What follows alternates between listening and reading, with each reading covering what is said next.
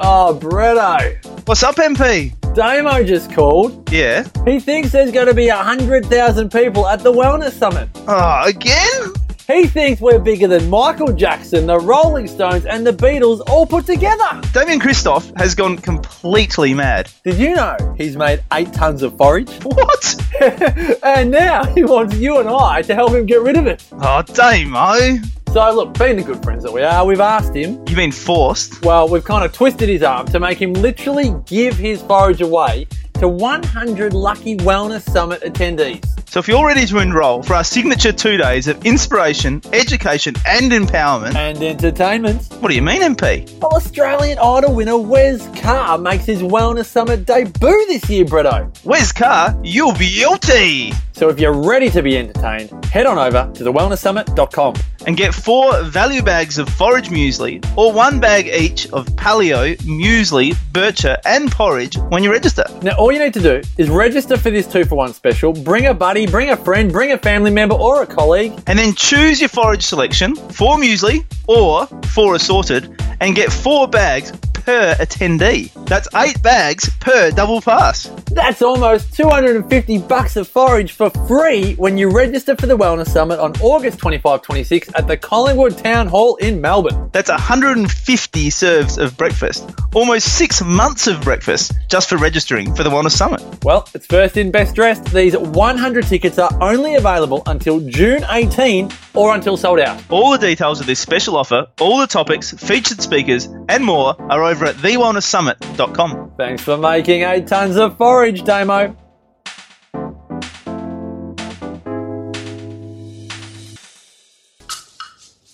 TheWellnessCouch.com, streaming wellness into your lives. Welcome to Nourishing the Mother, featuring your hosts Bridget Wood and Julie Tenner.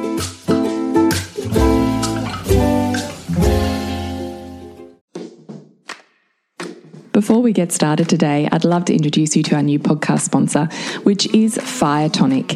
If you haven't heard of Fire Tonic before, it is a raw fermented apple cider vinegar that has a whole heap of other goodness in it, such as chilies, turmeric, garlic, horseradish, ginger, just to name a few. And it has this delicious, warming, spicy kind of aftertaste that just warms your stomach and your solar plexus and has you feeling amazing just by taking it. But aside from that, raw apple cider vinegar is immune boosting. It's antibacterial, antiviral. It will decongest whatever you are stuffed up in the head with. It's antioxidant and anti inflammatory. It's also the best digestive booster. Apple cider vinegar is the same pH as our natural secretions and also stimulates those natural secretions. So if you're feeling a bit low in your digestive system, if you've got a bit of a sore throat or feel something coming on, it's great. I've used this before just to knock something on its head, like a sore throat or a virus that's gone through the rest of my family. And for me, I've just kept up with the fire tonic little shots, which I absolutely love anyway, because I love a bit of spice.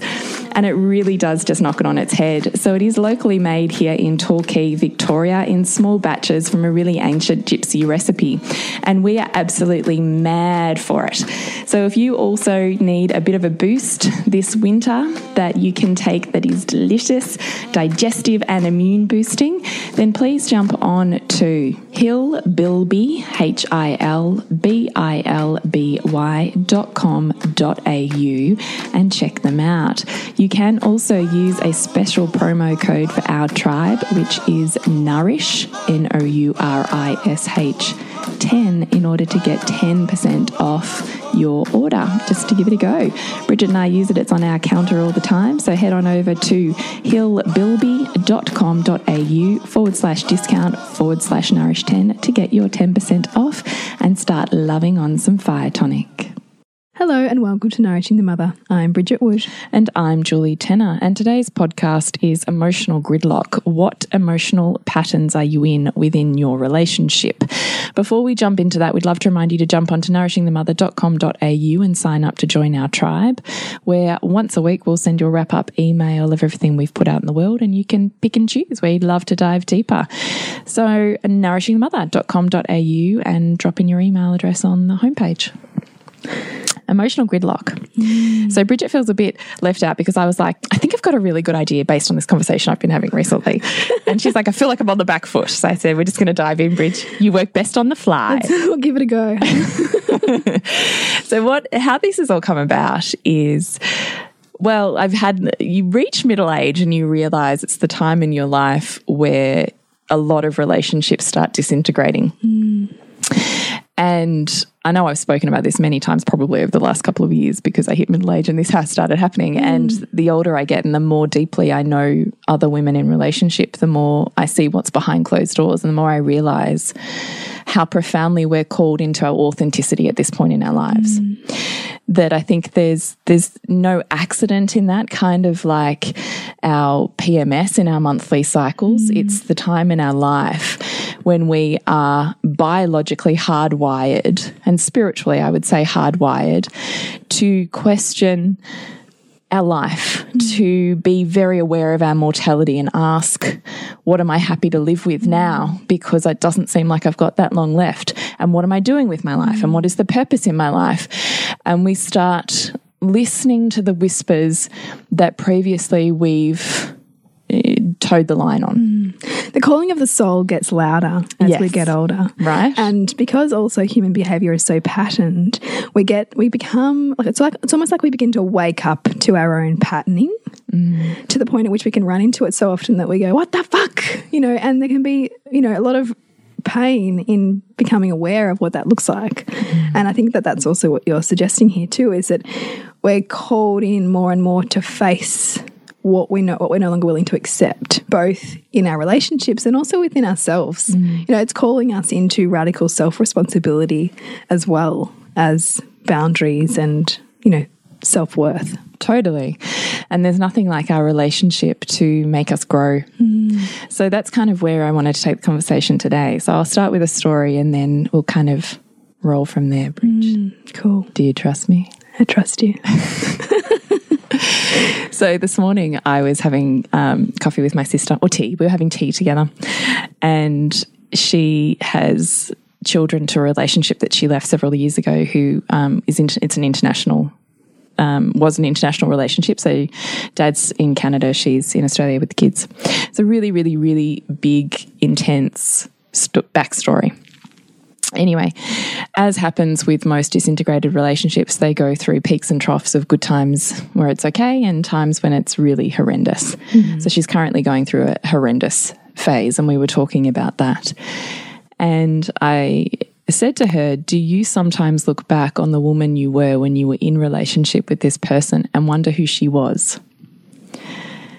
And it took her several goes because she had to kind of really think about my question. And in the end, she said to me, You know, I've thought about this and I realized some time ago that when I think about what happened there, it was he didn't change, but everything he was doing when it was just me and there were no kids, I could validate and I could make sense of and I could say that was okay because it was okay for him to treat me like that because I could take it. And it was okay because I deserved it. And it was okay because that was what I was worth. Hmm. And then I had these children, and her eldest is a daughter. So a very close mirror. Hmm. And he started doing the same behavior to them. And it was when I realized you cannot treat someone like that that I went, You won't treat someone like that. You can't treat them like that. You can't treat me like that. And we had a conversation from there. And I just thought, this is profound because she was saying then, I've spoken to several single mothers since then, and she said, you know, I realize it's often a similar story in that it was fine because they could take it when it was just them. That was how their relationship was, and they had a thousand reasons why it was okay. Mm. But as soon it was as it was involved their children, they could no longer accept or tolerate what was happening. Mm. And I said to her, I find this fascinating and profound because statistically, what we talk about in in culture you know fairly easily is that there's a huge incidence of relationship breakdown a massive the greatest amount of time that a relationship is you know, on the verge of crisis or breakdown or divorce is post children. And so we say it's because children are so hard. And everyone accepts that. But I said to her, what you're proposing here is almost a hypothesis of it's not because of the children being so hard. It's because they are the living embodiment of you walking outside of you, and you view the world and their worth and your worth and relationships in a completely different way. And you say, that's no longer okay. And I find that fascinating. And she said, Yeah, I really agree with you. Wow. And I just thought this is an incredible conversation to have hmm. because this adds for me another dimension to family dynamics and the parent child relationship and just how profound that conscious calling forwards in growth is. Hmm. Because what you can't grow up yourself with, your children will force you into growth for, you hmm. know? Yeah. And just how we don't think we're worth something, but we believe our children are, but they are us. Mm. Like, I just think this is such a multifaceted. It's huge because it's big. Like it's painful. It's it's calls us into not accepting the bullshit anymore. Mm. You know, and not accepting explaining things away. Mm. You know, as your sister so clearly demonstrated. eloquently did. Yeah. So then to just add on to our little, you know, contextual state before we kind of move forwards, Bridge, was I've been doing, I've been getting mad guns into um, Dr. Schnarch at the moment. So he was this uh, huge um, family and sexual psychologist that I've kind of, you know, gotten really big guns into. I love his work. And he talks about the mirror. Which is oh, I love the really mirror. Mm. interesting because I hadn't heard it so specifically or eloquently spoken through a modern day psychologist, I suppose, mm. um, or therapist of any sort in in these terms. So this is not word for word his words. This is my summary of of his concept. So I just thought I'd hit you with a few here, mm. and then we can kind of digest from there. What do you think? Sure. So he says here the battles of selfhood is much greater than hormonal drive. So when he's talking about here, I was thinking, and I was extrapolating out in so many different ways. So I think it's easy for us to go, like in our monthly cycles and our PMS and our bad moods, ugh, you're just hormonal, as mm. opposed to there being actually something you're trying to call yourself up to stand up for, to change, to become more aware of, which is the whole purpose of getting in tune with our cycles, is to mm. realize our PMS is not dysfunctional, that it is in fact us calling us into more and more self authority, self authenticity, mm. just really, it's not that you're biologically flooded with hormones and that's why that's your problem. Yeah, yeah. And then I was thinking about it in terms of sex drive that we all go, oh, well, you know, it's because. You know, males are hardwired to have the best sex drive at 17 and 18, and women aren't till, you know, a good decade later. So, and then they decline. So it's the hormones.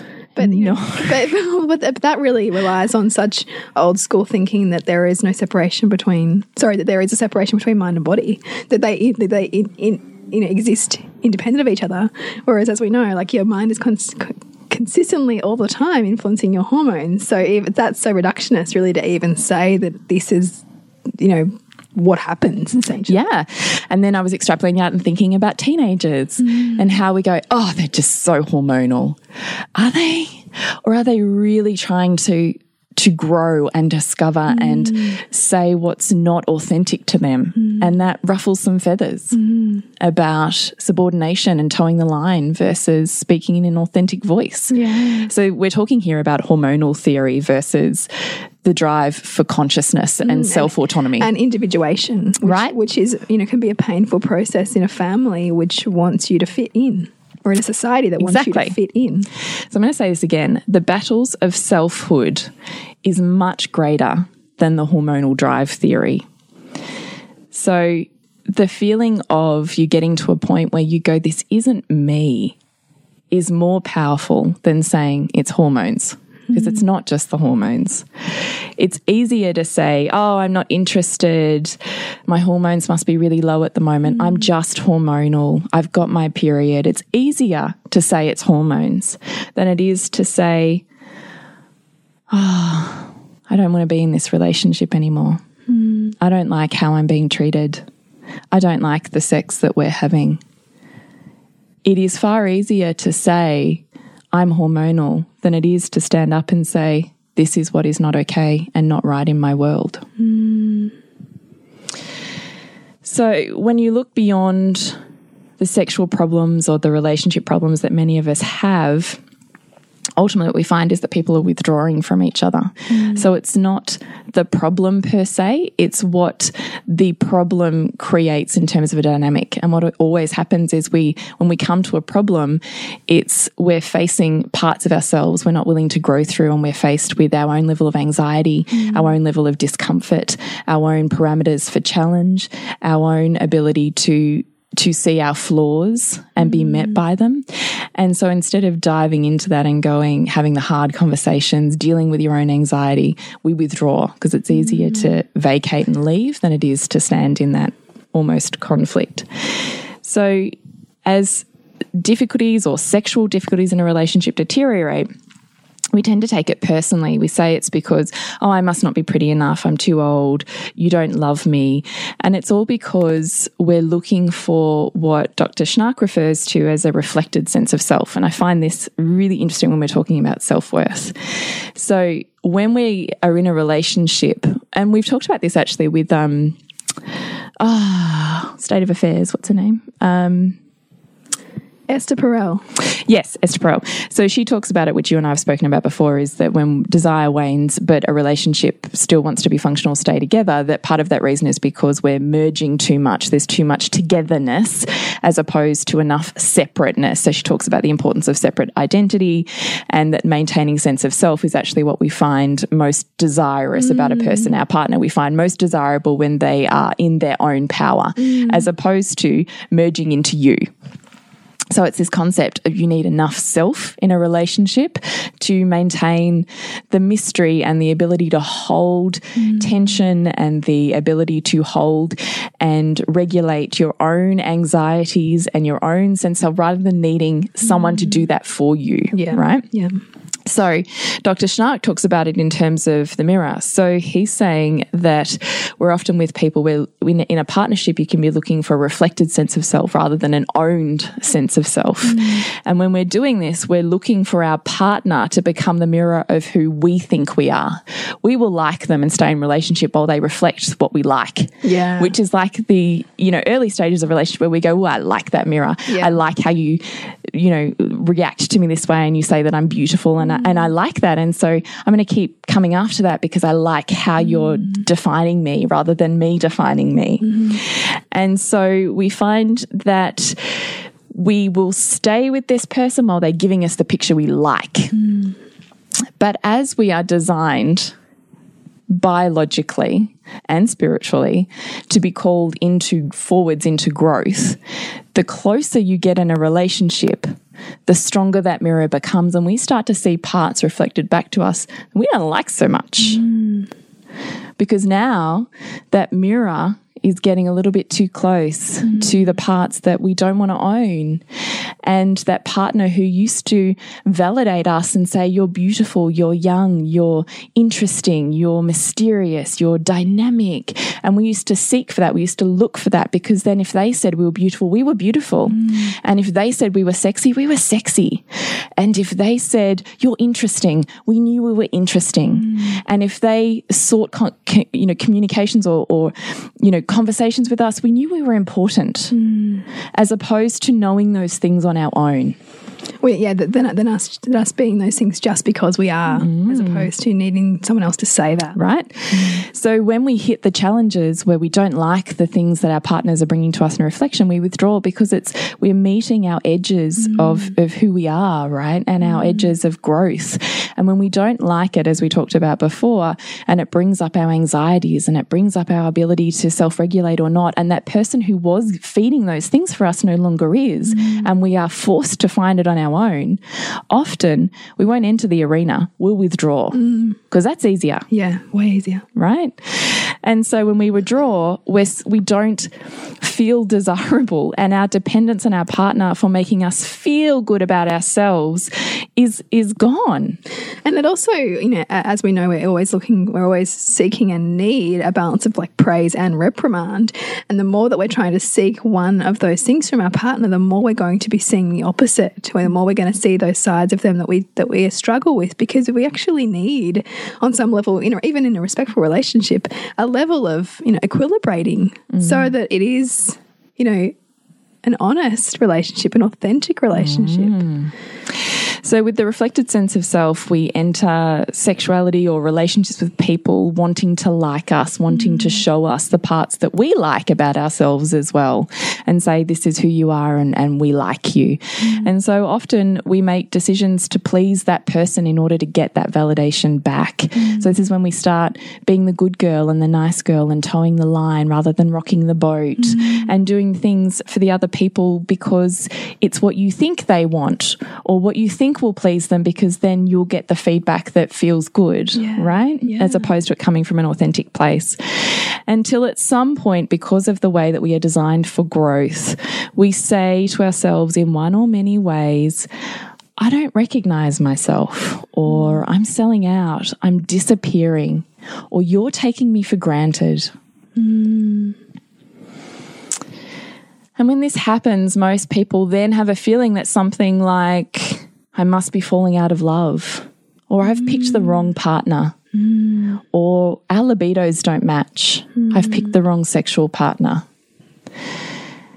This person I'm not compatible with. And we're in an emotional gridlock.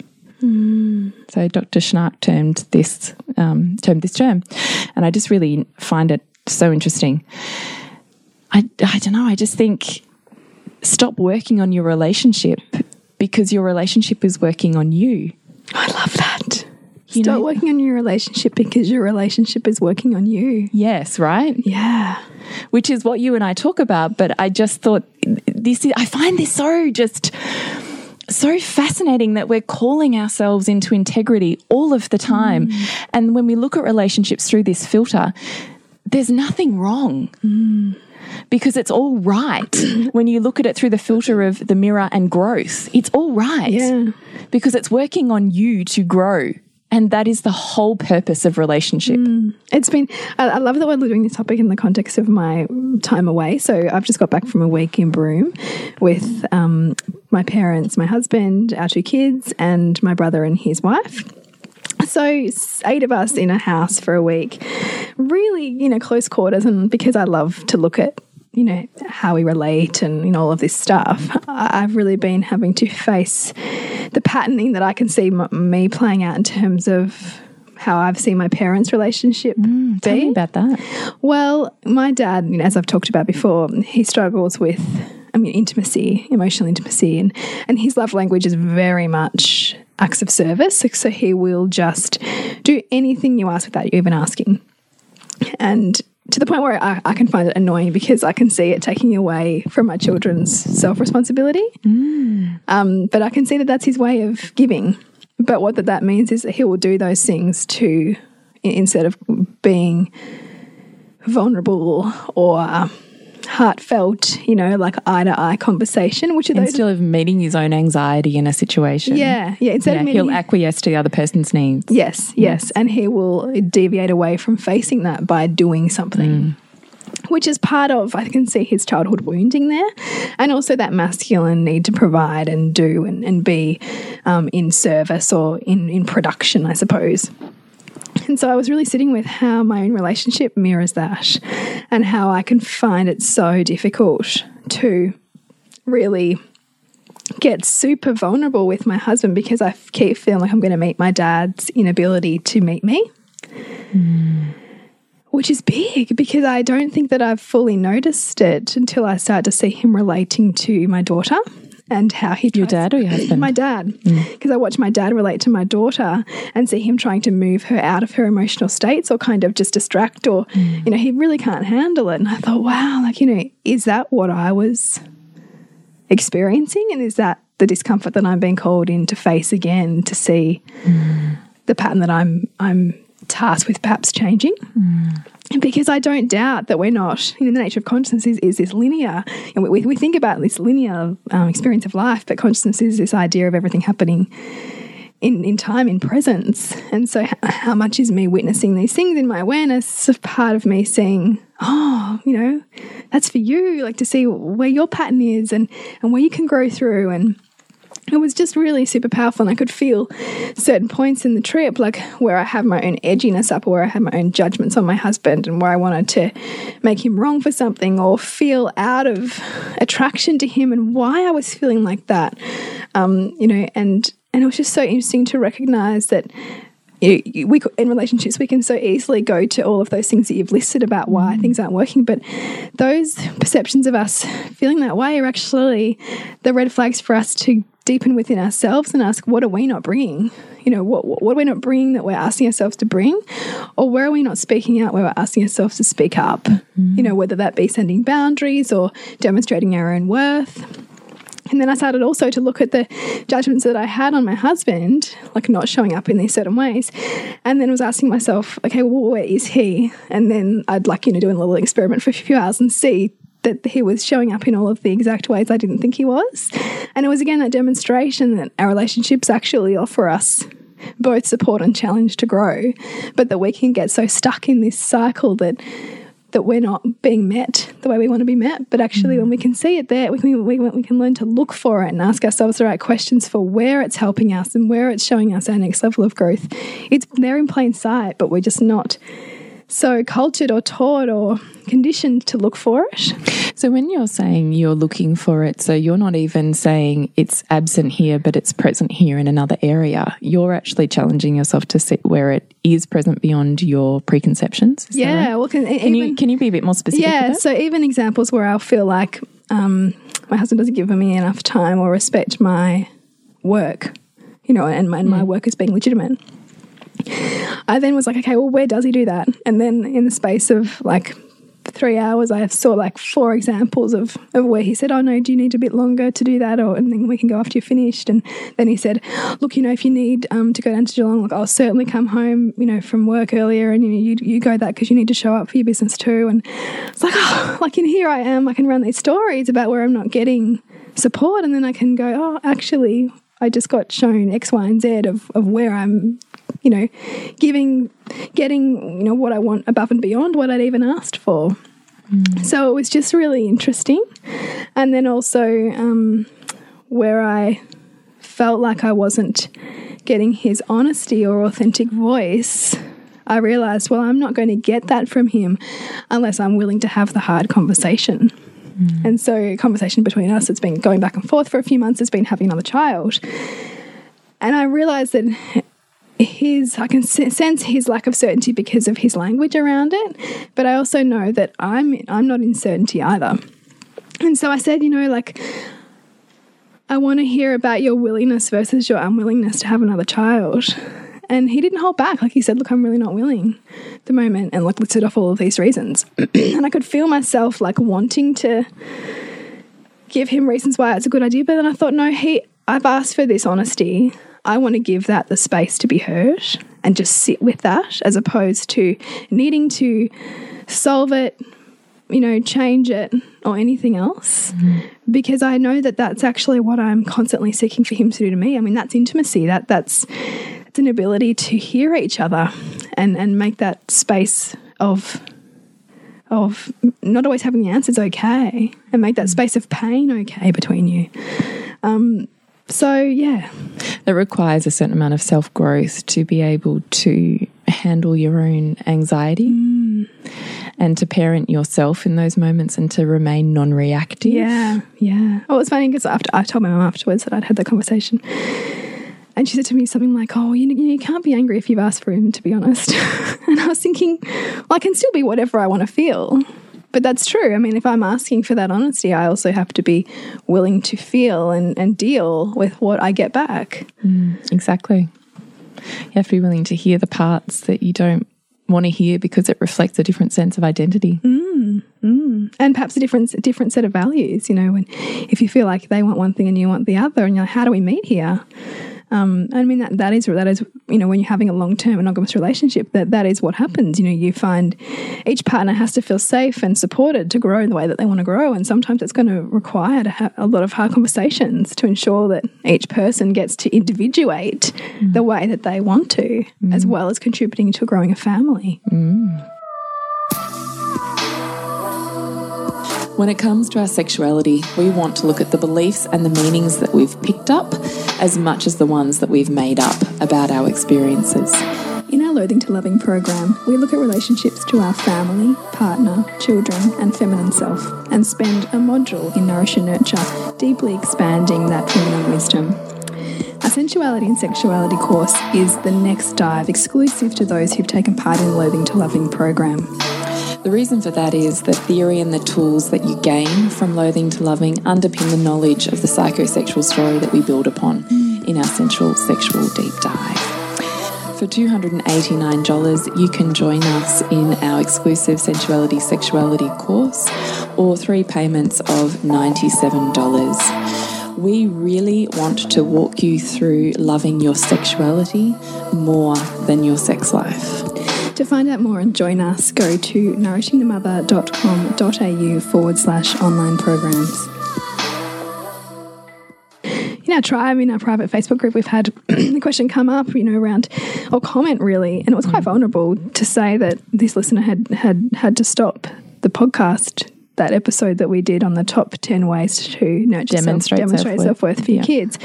She had found it really hard to listen to because she had recognized in her own relationship ways in which she was not being treated the way that she wanted to be treated or that she found it all appropriate to be nurtured, to be demonstrating self worth in her kids. And that kind of thing, I wonder too, is an ex- is a demonstration too of this gridlock that we can find ourselves in in terms of the patterns we get into. Mm-hmm. You know, what's the pattern in terms of am I allowing too much here? I think it still it still comes back for me to the same topic of there's even in the relationships that we want to through our moral um, compass judge as wrong. I still want to come back to this controversial statement of there is nothing wrong and there is function in the dysfunction. Mm. And stop trying to work on your relationship because your relationship is working on you. Mm. You are the purpose and the point here. Mm. You have the perfect relationship with the perfect mirror for your perfect growth and evolution forwards. The question is always will you stay in a monogamous relationship long enough to get to the other side of that? And to face that, to, to, to see that out. because it's sometimes Ah, I don't want to sound this to sound judgy because it's not. This is really just talking about spiritual, you know, I guess relationship concepts, but it's easier to think the grass is greener or to say, well, I've just got the wrong partner or you don't validate me or you don't treat me well enough or, um, you know, we're not in this relationship together. And if I'm with this person, it'll be better. And when I have this affair, I'm realize I really like this mirror that this person I'm having the affair with is giving me. I like that. I like my reflected sense of self through this other person. I don't like what you reflect to me, so I'll withdraw from you. Mm. I like what you're reflecting to me. But what we'll find is, and that's why the incidence of second, third, and fourth marriages they increase dramatically on their separation rates. The more marriages we have, Yeah. is for this very reason because we will always hit the same gridlock and the mm. same pattern to force us to grow because it's us. We are centric to the relationship. Yeah, it's like a, you, you keep running into yourself. Yes. And it can be a fantasy to go, oh, I'm going to have all this beauty with this person. Mm. But if you're only chasing the fantasy, you will build the nightmare until the mm. point where that pain is so great, you're either going to withdraw or disconnect and find the next reflection you like better, or you'll learn a lesson, you'll Yeah. grow through that lesson, and you'll change the course. And I think that that, that kind of you know idea of escaping it, it's it's like the path to hedonism. It is mm. hedonistic because it's trying to look for the pleasure without the pain, and then mm. the, you get both of those if you're willing to stay and grow. Mm. I think.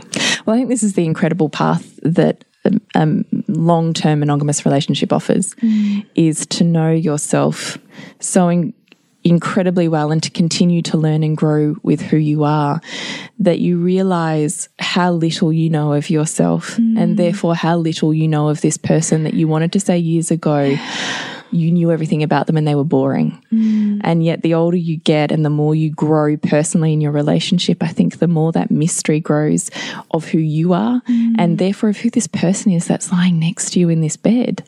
And I think it's a total fantasy to say that our sex life declines as we get older and that our relationships get stagnant as we get older. Mm. I think that's fucking bullshit because as we approach relationship through the lens of discovering more and more of my own mystery and therefore discovering more and more of who are you? Who is this person who is in front of me? Mm. Who is this person whose soul I'm still growing through and learning? And who is this person who can touch me in ways that are beyond a, a physical muscle reaction? Mm. Who can take me to orgasms beyond what I thought was physically possible because they're not just physical? Like, mm. Yeah, to yeah, think that a yeah. relationship stagnates is ridiculous. Mm. And the very premise. a, a relationship stagnates because we stagnate. that's my point. Mm. All Exactly. yes. Yeah. Yes. I didn't even know where to go. but I also want to say, I think we always underestimate how tough growing up is. Mm. I think we always underestimate it. Yeah, I agree. And even you and I, who are wanting to seek a long term monogamous relationship and grow in our spirituality, our sense of self and identity through the pain of that, even though we are committed to that, we still find ourselves hitting our own edges, hitting gridlock in our relationships. And I, I am still shocked sometimes at how hard that is, mm. how much of myself I have to face. Mm. And I don't think it's ever easy. I don't think that anyone who finds it easy has got the right answer. No, and I think that it's just selling it's selling an illusion, I think, because I think the reality is that life means that we're called to grow. And growth by nature is often difficult. And so we're going to hit those really big edges. Uh, and continually, it doesn't stop. It's not like you go, well, I'll sort out this issue in my in my relationship, and then we'll be good. in my relationship, which really means in me. Which is it's just I find it ridiculous. Yeah, yeah, It's- you don't need. There's nothing wrong with your relationship. no. It is serving its purpose perfectly. Hmm. But you will keep evolving and keep finding new layers of yourself. Hmm. And it's whether you want to hang in there for that mirror or not, I think. Hmm. So Do you notice, but in, ter- in terms of emotional gridlock in your relationship Yeah. and the patterns that you face, do Oh, you I'm going notice? through one at the moment. so, are you willing to walk us through what that what that looks like? Doesn't look very grown up, Richard. if I'm going to be totally honest with you. Well, I think I think we all, but I, I think also right. Like if we think of, about that constant, you know, new quantum level of growth, we've got to. We sometimes we even start those new levels of growth as an infant. You know, like in, as Yeah, kind of how I like, feel. You know, what am I doing here? yeah, it's totally how I feel. Mm. And that's also I want to say, you know, if you are listening to the in, you know our podcast and going, oh, so much wisdom, blah blah blah, like don't put us on a pedestal because Shit, no. Mate, we are going through exactly what you're going through, and those pain edges are really brutal mm. sometimes. Yeah. and I had been feeling the whispers of several points in my relationship. I'm like, not satisfied with that. I don't like what's happening here, mm. but toeing the line, getting through, and it's okay. Coming up with all the reasons why it was fine. Until I think it was it probably all culminated, actually, funnily enough, because it's the purpose of family dynamics too, right? Mm. Was when my fourth went through her whole tooth rejection of breastfeeding, and my whole world kind of like blew up in the space of two weeks. And it was at that point, like the like getting your period or having PMS, where you're like, well, it was fine, and now it's not. That's pretty much where I got to. Was Yeah. and so you know. In inverted commas, my poor husband was completely side blinded because he had no idea. because this is we do ourselves a disservice. We think that we are going to have a more validated sense of self and a better relationship by toeing the line. And the truth is, we're not. Because doing things for other people to like you will always come back to bite you. Comes back sexually and it comes back in a relationship. And so I found myself in my inner autumn going, surveying the land and looking internally and going, I'm not okay with what's happening here. And am I willing to balls up and, and have those conversations? Because hard. Um, and I did not choose an appropriate time. How did you know that? well, we were in the we were had a very rare date night, so we'd booked in this date night with parents for a while ago, and the couple we were going out with it fell through, and so we decided we just um, go. anyway. And um, we were catching up with friends next day. So anyway, we're having dinner at this other friend's house, and so we're driving the car on the way there. So it's really rare that we have like time like that. And I'd been thinking about it and chewing about it over in my head, and how am I going to start this conversation? And did it all day. And I had withdrawn instead of entered the arena so mm. many times, mm. probably over the course of that week, so many times. Which is so painful. Because what I want to say is, oh, it's just too busy. There's too many kids around. Mm. We just were passing ships. We couldn't find time. No, Julie, I call bullshit on you. Yeah. Because that's not true. If I really wanted to find the time, I would have. But I didn't want to, really. It was easy to easier to withdraw than it was to fight or show up. And so, and I at the same time knew I was doing it though, right? It's not like I'm unconscious to the fact that I'm withdrawing. Yeah. And I'm kind of built, stacking that list up as I withdraw each time and kind of in my head going, what the fuck did you do that? Just fucking do it. Like, I, mm-hmm. I feel like I'm in my head going, just do it. Come on. It's like the two Julies. Like, no, no, I'm just scared. Just do it. No, I'm know, just right? Just do it. Yeah, exactly. Anyway, so we're in the car and I'm in literally having that battle in my head and I'm like, fuck it. And I just like, you just got to start. You just got to like blurt it out and then it'll just keep going because then you can't stop, right? Then, you, then it's, you're on that path. That's an express train. and that is what it was. and I said, I was, um, Actually, I was retelling because I then had a um, intimate catch up with another girlfriend um, a couple of days afterwards, and I was retelling her. I said, and, "You know, I find myself at this really interesting standpoint talk about gridlock, right? And here's here's where I get also a little bit lost in my own head about what I will and won't accept or tolerate in relationship. Because let me break it down, and then I'll bring it back, Bridge Yeah, Sure. because I know that verbal communication is part of my genius, but it is not part of my husband's. And as a general rule, is not part of the masculines in general to talk out processing, to talk out emotion, to talk out moving through something. I can do that and it feels good. And I can almost kind of do better when I talk it out because I can almost observe myself in the process. Hmm.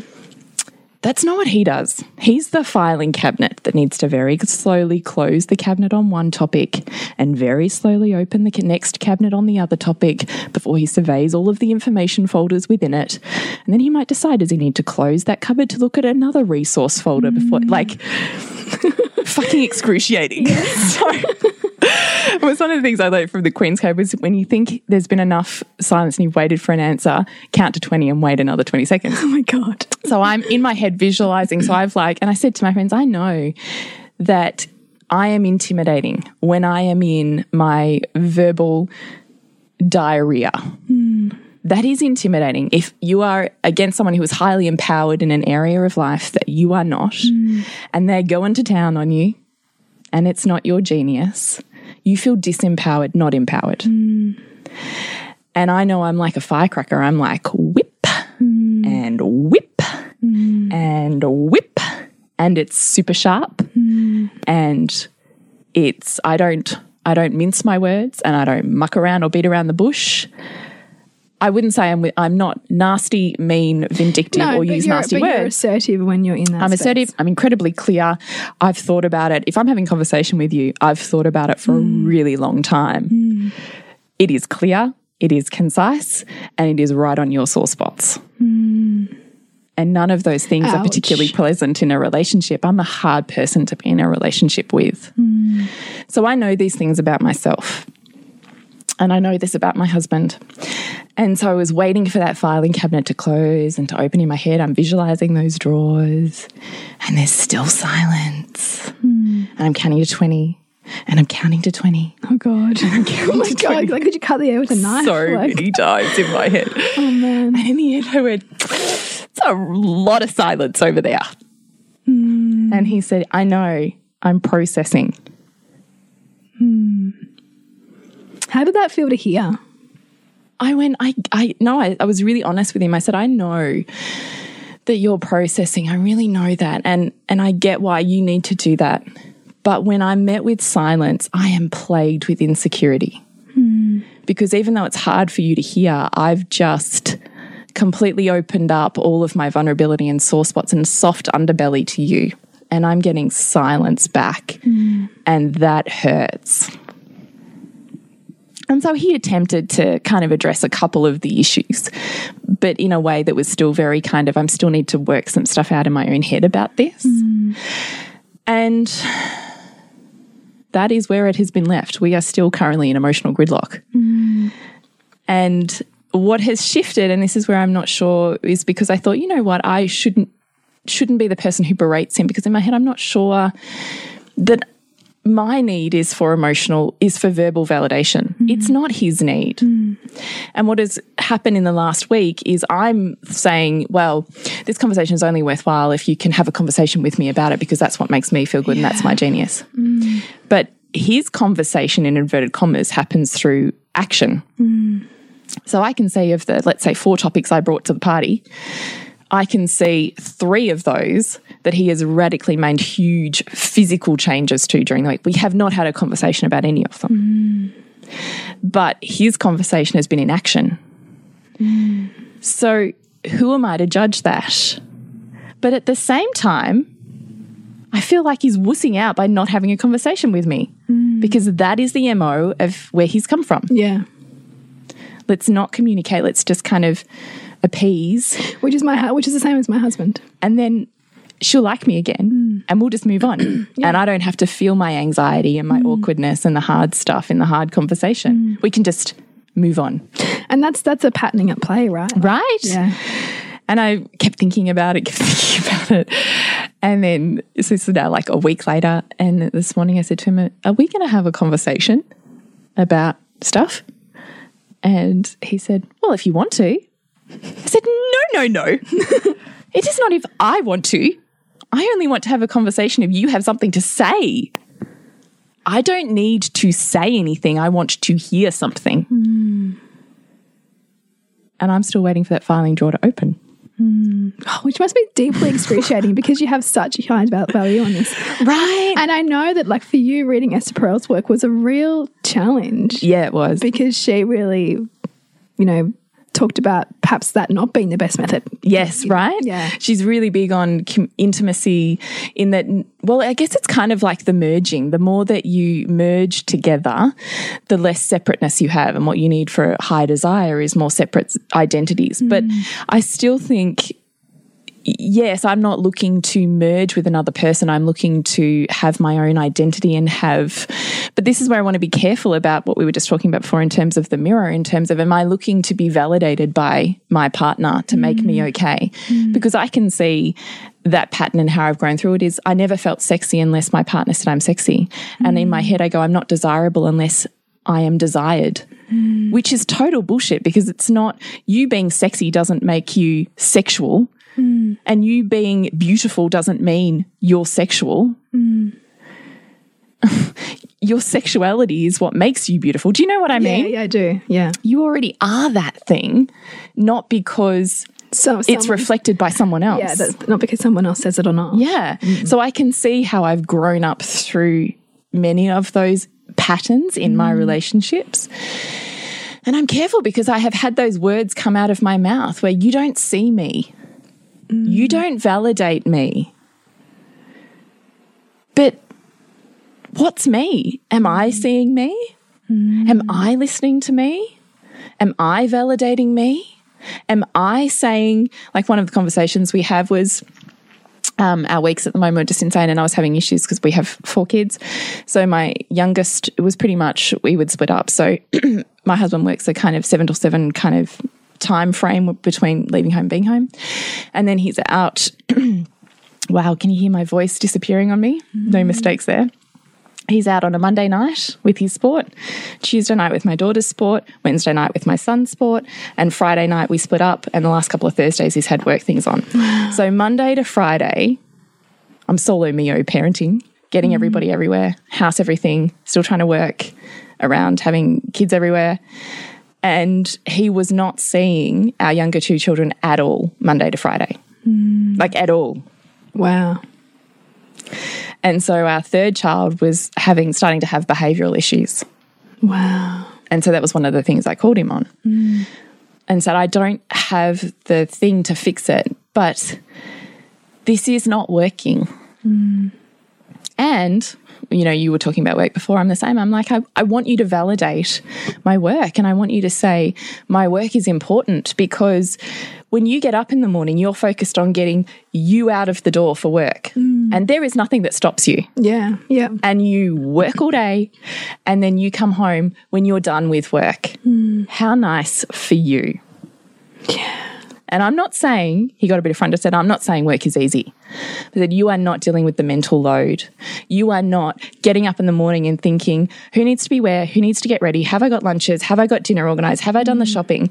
Have I done all of the work? Have I met emotional needs? Has everyone got everywhere? Is anybody sick? What, what do they need? Yeah, and, and then around is my husband, is my partner at work, not work? What do you know? And then around all of that, fitting in my work. Hmm. You don't fit in. Hmm. You go to work, and I want the same opportunity to be like, I'm out. Three o'clock, three till six, I'm out. See ya. Yeah. And he called me on it and he said, I give you that, but you don't take it. And I said, hmm. You're right. If I'm really honest, you're right. I want to sit here and say, You don't walk in and say, Do you need to go? And so I'm going, Well, he doesn't care. He doesn't want my work, you know, da da da. No, no. Because anytime I've said, I've got a podcast, I've got to do this, he's like, Yeah, yeah, yeah, what time? We'll fit it in, da da da da. Mm. And he shows up for that mm. but I, my level of worth around it wasn't big enough to say in the diary, Thursday night, I need you home at six because six to nine, I'm out. Yeah. Yeah. I'm not doing that For yourself. for myself. So your intuition is calling you into the seeing the into that frustration that you're currently feeling to break through that. Right. Mm. But in my mind, I'd made it all his fault. He doesn't see me. He doesn't validate me. He's not showing up for me. He's not mm. like, Yeah. how perfect is the relationship to make you grow where you need to grow? Mm. Right. Absolutely. And, it can be so brutal to face that too. Oh, like 'cause it's so uncomfortable. It's it's hard to own the parts of ourselves that we struggle with. Yeah. So, you know, I just, I don't even know what the point of going into that was, honestly, Bridget. But just to give you context, context around emotional gridlock, that mm. at some point we all go through it. And there's no dysfunction in it. Mm. That if you are willing to look reflectively at yourself, not the relationship, if you perceive or enter a situation knowing the relationship is perfect, but that you are being called into growth and it hurts, then I think it completely changes the outlook that you have in making a problem a solution. Do you know what I mean? Yeah. Yeah. And I wonder how many relationships will be changed or saved if we looked at relationships as being perfect, not dysfunctional. Mm. In terms of forcing us to grow, because there's nothing like intimate relationships to force us to grow. Mm. And that's not to say that all relationships are going to stay together, they're not. But if that relationship served purpose of you finding more of who you are mm. or of growing up in ways you would otherwise not have, then that relationship has still been perfect for you. Mm. It's such big stuff, and I love that that we've you know really brought the willingness to open that up because it can be painful, you know, really to lean into that and to mm. to lay that out there as well because we're learning just as everybody else is. Mm-hmm. We just bring this to the fore because we know that these are conversations that other mums want to be having and they're so needed. Mm. Mm. So please rate us on iTunes or share any podcasts that have really resonated with you and message us and let us know what has spoken to you so that we can either, you know, do a little bit more on that or give you a little bit more, answer questions or just letting us know what those ripples are doing in your world just really keeps us going too. We mm. so deeply appreciate it. And you listening week after week, it's really incredible. That's lovely. So don't forget to, to nourish no. we forgot to talk about where, where where you can find us. Where can we find you, Jules?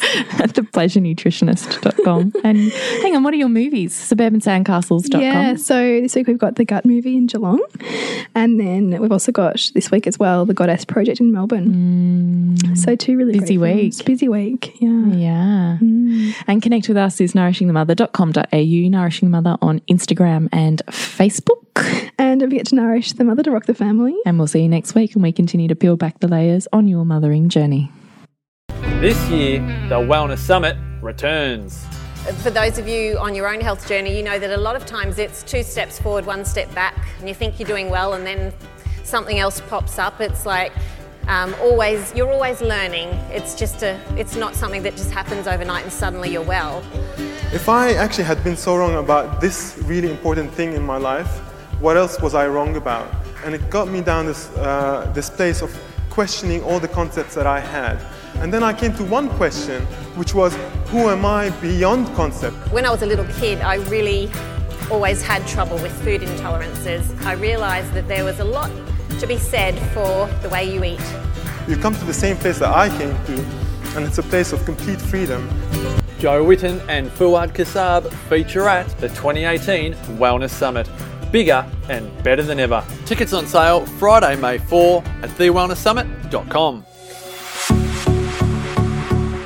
This has been a production of TheWellnessCouch.com. Check us out on Facebook and join in the conversation on Facebook.com forward slash The Wellness Couch. Subscribe to each show on iTunes and check us out on Twitter.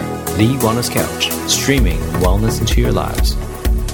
Whilst the Wellness Couch presenter endeavor to provide accurate and helpful information to their listeners, these podcasts cannot take into account individual circumstances and are not intended to be a substitute for health and medical advice from a qualified health professional. You should always seek the advice of a qualified health professional before acting on any of the information provided by any of the Wellness Couch podcasts.